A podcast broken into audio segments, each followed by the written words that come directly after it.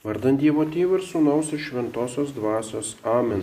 Angus tikintieji šitą paskutinį spalio sekmadienį, tai yra sekmadienį prieš visus šventuosius, bažnyčia švenčia Kristaus kaip dangaus ir žemės karaliaus iškilmę. Karalius yra tas, kuris valdo, kuris liepia. Ir štai šiandienos žmogui atrodo, kad tai neįmanoma be asmens laisvės suvaržymo ar net panaikinimo. Ar Kristus savo karaliavimu nori apriboti ar net atimti mūsų laisvę? Priešingai, bažnyčia visais amžiais rodė ir mokė, kad tikroji krikščioniško laisvė įgyvendinama būtent visiškai paklūstant šito karaliaus valdžiai. Taigi Kristaus karalystė yra ne laisvės apribojimas ar atėmimas, bet yra kaip tik tikrasis išlaisvinimas. Ir štai turime prisiminti ne tik tai šiandien, bet apskritai savo gyvenime, kad Kristus yra ne toks e, tikėjimo punktas arba tokia figūra iš praeities, moralinis autoritetas ar pavyzdys mums, bet yra gyvas, realiai egzistuojantis asmuo, kuris yra danguje, kuris yra švenčiausiame sakramente. Ir tas asmuo, tas tikras asmuo yra karalius, tai yra turi įstatymų leidėjo valdžią. Jis leidžia įstatymus, kurie mums privalomi. Taip pat jis yra valdovas, kuris pagal tuos įstatymus realiai valdo bažnyčią ir kiekvieną tikintįjį. Taip pat jis yra teisėjas už tų įstatymų laikymasi arba nesilaikymą, duodantis atlygį arba duodantis bausmę. Ir taip pat yra karvedys, ginantis nuo priešų, kurie kesinasi į tą bendrą e, Kristaus karalystės tvarką. Ir štai kur konkrečiai yra ta Jėzaus Kristaus karaliaus valdžia, kur tas Kristus karalius, ar jis yra tik tai paveiksluose, mūsų maldose ir kažkokiose pamaldžiose knygose.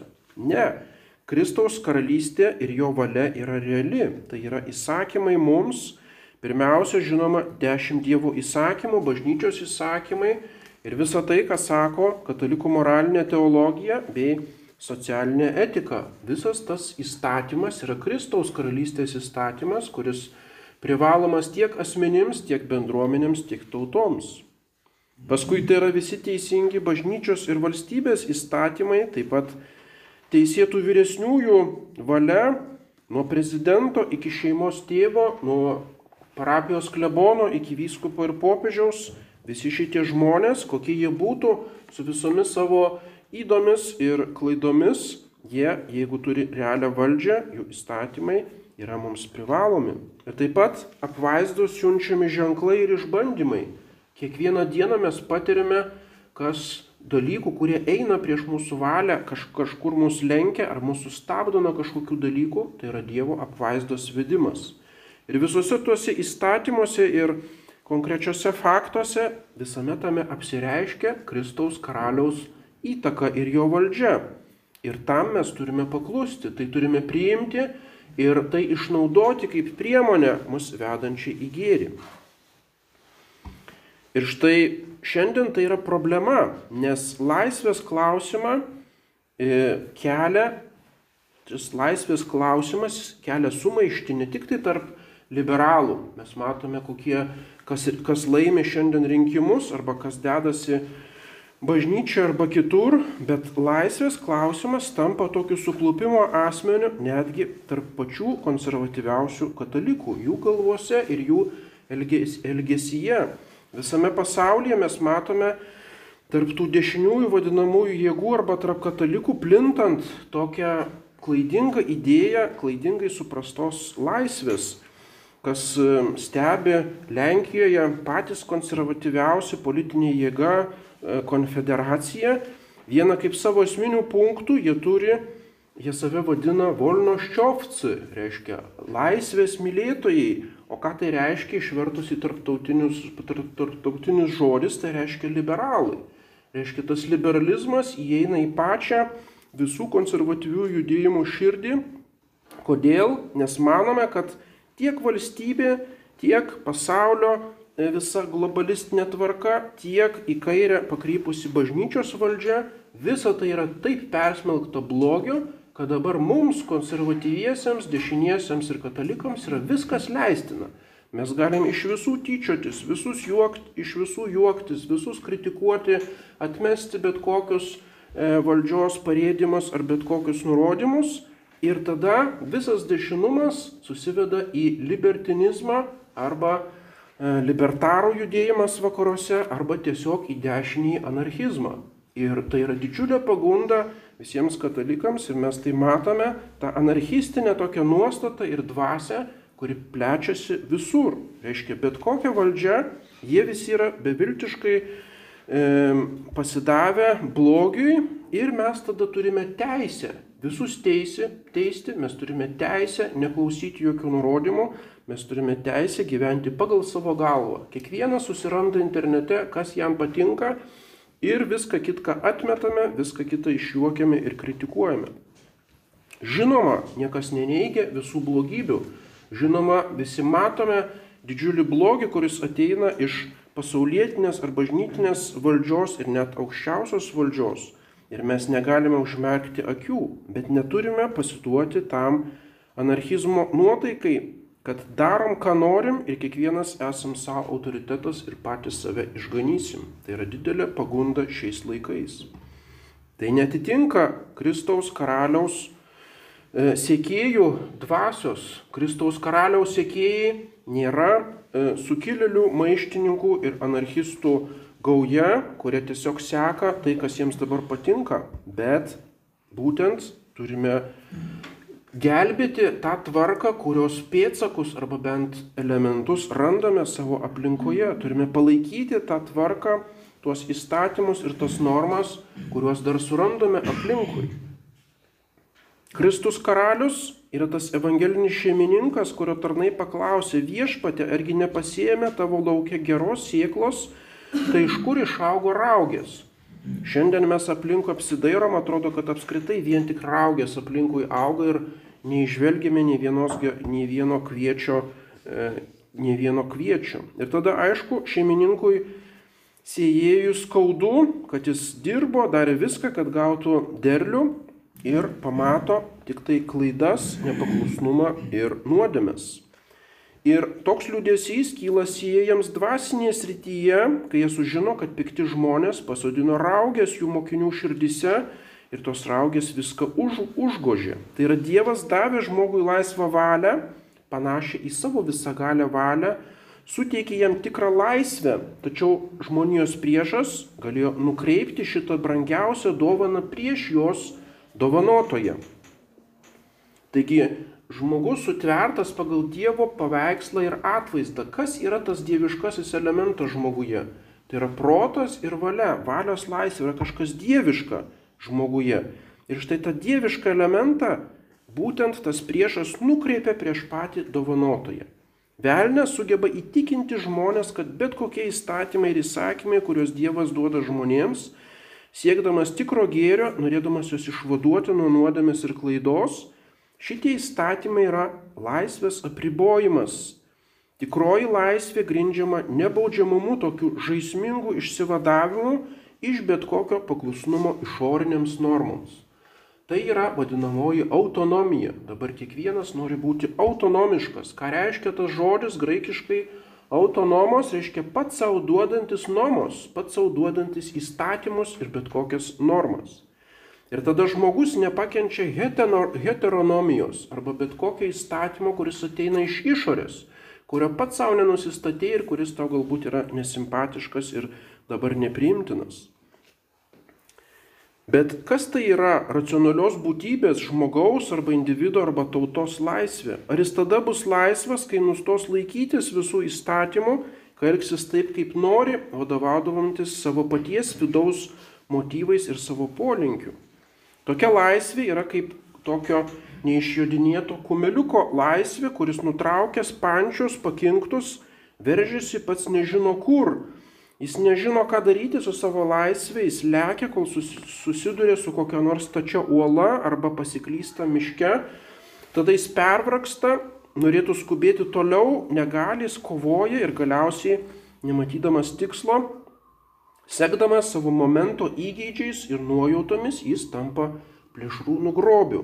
Toks yra atvaizdas sielos, kuri nesupranta net paties pačios savęs interesų, savo tikrojo gėrio, ką jau kalbėti apie bendrąjį gėrį ir tada nuklysta ir pasiduoda destrukcijai. Tai yra paveikslas žmogaus arba žmonių bendrijos arba ištisos tautos, kuri nenori paklusti bet kokiai valdžiai, įstatymams ir įsakymams. Ir toks kaip įspūdingiausias to pavyzdys Prancūzijos revoliucija, kuri siekdama laisvės iš karto nugrimzdo į baisiausią terorą. Žmonėms buvo pasakyta, kad jie neprivalo paklusti nei bažnyčiai, nei pasaulietiniai valdžiai, kad jiems leidžiama bet kada kelti maištą prieš ją ir kad tauta arba žmonės yra savo paties savęs aukščiausias valdovas. Ir žlugo tada viso socialinio pastato statyba, užtrukusi daugybę šimtmečių ta valstybė, vietoj laisvės atėjo žmogžudystės apiplėšimai Galiausiai viršų ėmė giljotina, įsiviešpatavo žmonės be jokios išminties ir darybių, visokie vizionieriai kaip Maratas, Dantonas, Robespieras ir kol galiausiai atėjo šiek tiek protingesnis, pajėgesnis diktatorius Bonapartas ir įvedė savo diktatūrą kaip išorinę tvarką. Taigi laisvė be ribų veda tiesiai į stipresniųjų ir labiau disciplinuotų vadų diktatūrą ir tironiją.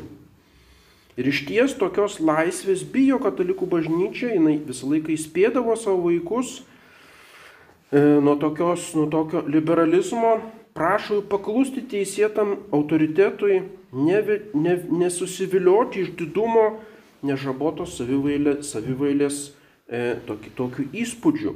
Ir primena apaštalo Pauliaus žodžius, kiekvienas žmogus te būna klusnus viešai valdžiai, nes nėra valdžios, kuri nebūtų iš Dievo, o kurios yra tos Dievo nustatytos. Kas priešinasi valdžiai, priešinasi Dievo sutvarkymui, kurie priešinasi užsitraukia teismą. Ir štai apaštalas Paulius kalbėjo apie pagonišką, netgi krikščionis persekiojančią Romos imperijos valdžią, kuri tačiau rėmėsi tam tikrų prigimtinių teisingumų, kuri turėjo aukščiausio lygio teisinę sistemą ir kuri siekė bendrojo gėrio. Taigi saugojo tos pačius krikščionius nuo šiaurinių ir pietinių barbarų ir nuo plėšikų e, viduje šalies. Taigi šitas mokymas netrūkdė krikščionėms nepaklusti tiems valdžios parėdimams, kurie prieštaravo Dievo teisiai Taip kaip ir netrukdė vėliau katalikų teologams vystyti teisingo ir pagristo sukilimo prieš tironišką valdžią teorijų. Tai nebuvo vergiškas paklusimas bet kokiam autoritetui. Ir tarkim Lietuvos istorijoje tas pats Valančius viešai smerkė 63 metų sukilimą tiek, kiek jame reiškėsi romantinės, anarchistinės, revoliucinės jėgos, bet tuo pačiu metu jisai slapta rėmė visas katalikiškas, racionales, vaisingas pastangas palaipsniui vaduotis iš Rusijos vergyjos.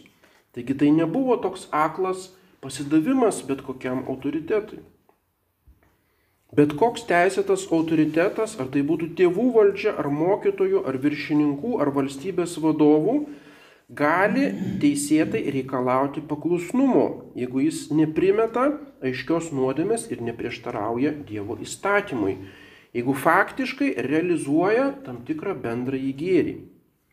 Bet visų laikų revoliucionieriai, kurių tas darbas yra sėti raugės, būtent iškreipia šitą bažnyčios mokymą ir kaltina, kad bažnyčia visada buvo bet kokios laisvės priešė, kad yra tironijos ir despotizmo pusėje pažeidžiančioje asmenų ir tautų teisės. Žinoma, tai yra šmeištas, nes bažnyčia pirmoji ir skelbė ir įgyvendino tą principą, kad visi žmonės yra lygus, kad visi įstatymai yra šventi, kad niekam neleidžiama atimti kitų nei asmenų, nei tautų teisių, kad karaliai ir valdovai tai yra Dievo įgaliotiniai, kurie turėtų žiūrėti savo pavaldinių gėrio ir laimės nelaikyti jų vergumose ir taip toliau. Visa tai yra bažnyčios ir mokymas, ir, ir praktika.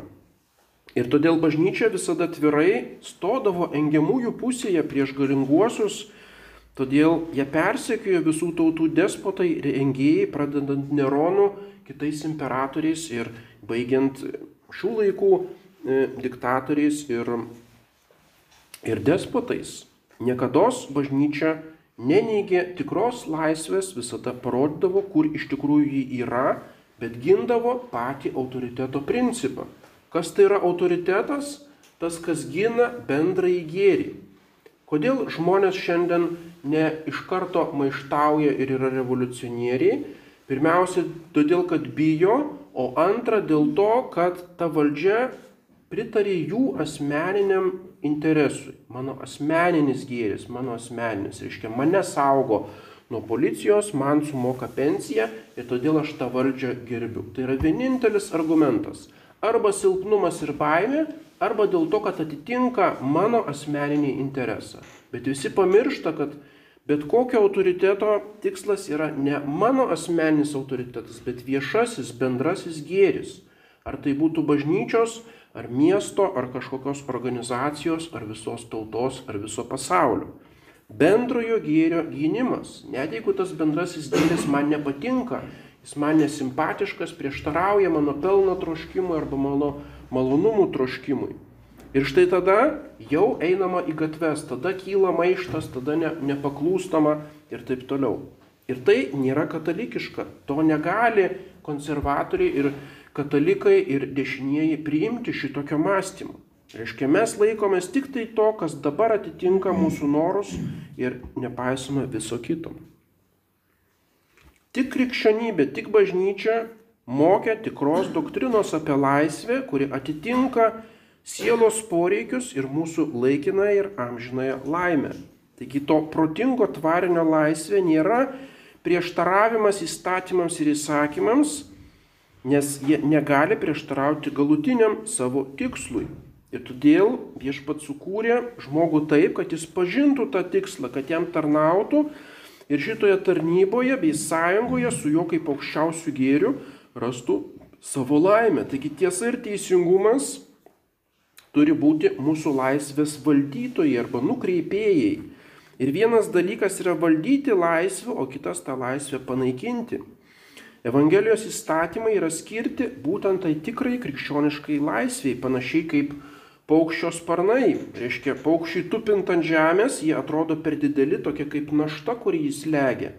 Bet vis dėlto būtent sparnai tarnauja lengvam ir laisvam judėjimui ir skrydžiui. Taigi, kas laikosi tų įstatymų, tie įstatymai nėra jam kaip jungas ar našta ar kaip vergo grandinės, bet būtent jis laisvai pakyla tarp kaip ant sparnų į tikrąjį tikslą.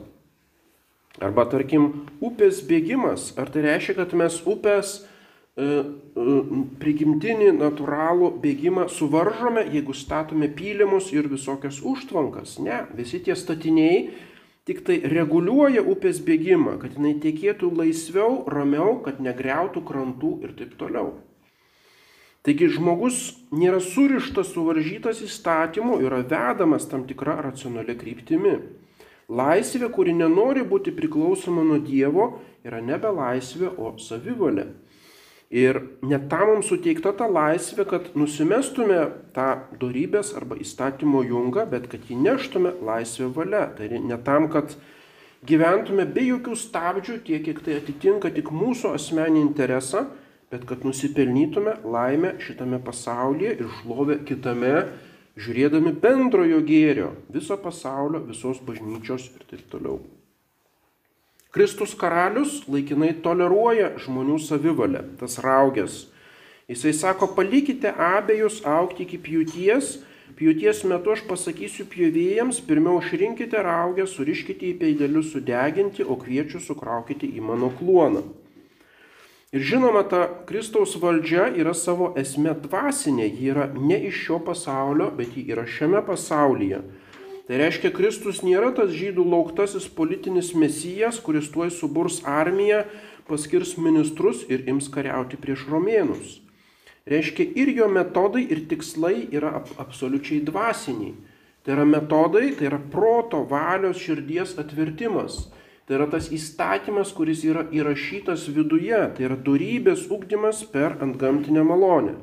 Ir taip pat tikslai yra dvasiniai, tai yra dangaus karalystė, ne žemiškas rojus ir ne žemiškas socialinis teisingumas, bet dangaus karalystė. Kristaus karalystė remiasi tikėjimu, malonė, vidiniu įsitikinimu, teisumu, o ne išorinė fizinė jėga. Tačiau tai nereiškia, kad šita karalystė lieka vien dvasinėje srityje, lieka Zakristijoje šitais laikais ir taip pat nereiškia, kad ji nepasirodys regima jėga laikų pabaigoje. Ateis laikas, kada kiekvienas bedievis savo kailiu pajus, kad Kristus yra, kaip sakoma Apokalipsijos knygoje, karalių karalius ir viešpačių viešpats. Jis ateis su visa savo teisminė valdžia, kuri nėra autonominė, yra heteronominė. Ji ateis man nelaukiant ir man nesitikint ir prieš mano norus ir prieš mano įgydžius ir nukris man ant galvos. Tai reiškia, Kristus karalius yra teisėjas, kuris teis gyvuosius ir mirusius, ar jiems tai patinka ar nepatinka, dėl to, kaip jie naudojosi savo laisvę. Ir Dievas žino, kas laukia nusidėlio. Dievas yra be galo geras ir kantrus, gailisi ir dažnai nesiryšta jo bausti, bet jis grasina jam šventojo rašto žodžiais, sąžinis balsu, suteikia laiko jam atgailauti, tačiau ateis laikas, kada visos žemės tautos pamatys tą karalių, žmogaus sūnų, ateinantį su didelė jėga ir didybė teisti gyvųjų ir mirusiųjų. Ir tada jis atlygins kiekvienam pagal jo darbus, kaip skaitome Apokalipsės knygoje. Taigi prisiminkime šitą Kristaus karaliaus karališką valdžią man asmeniškai, mano šeimai, mano gyvenimui. Taip pat jo teisminę galę visada jausimės atsakingi už šitą didelę laisvės dovaną, kad galėtume ją teisingai panaudoti ir kad pasiektume savo tikrąjį tikslą. Amen. Vardant Dievo Tėvų ir Sūnaus iš Šventosios Dvasios. Amen.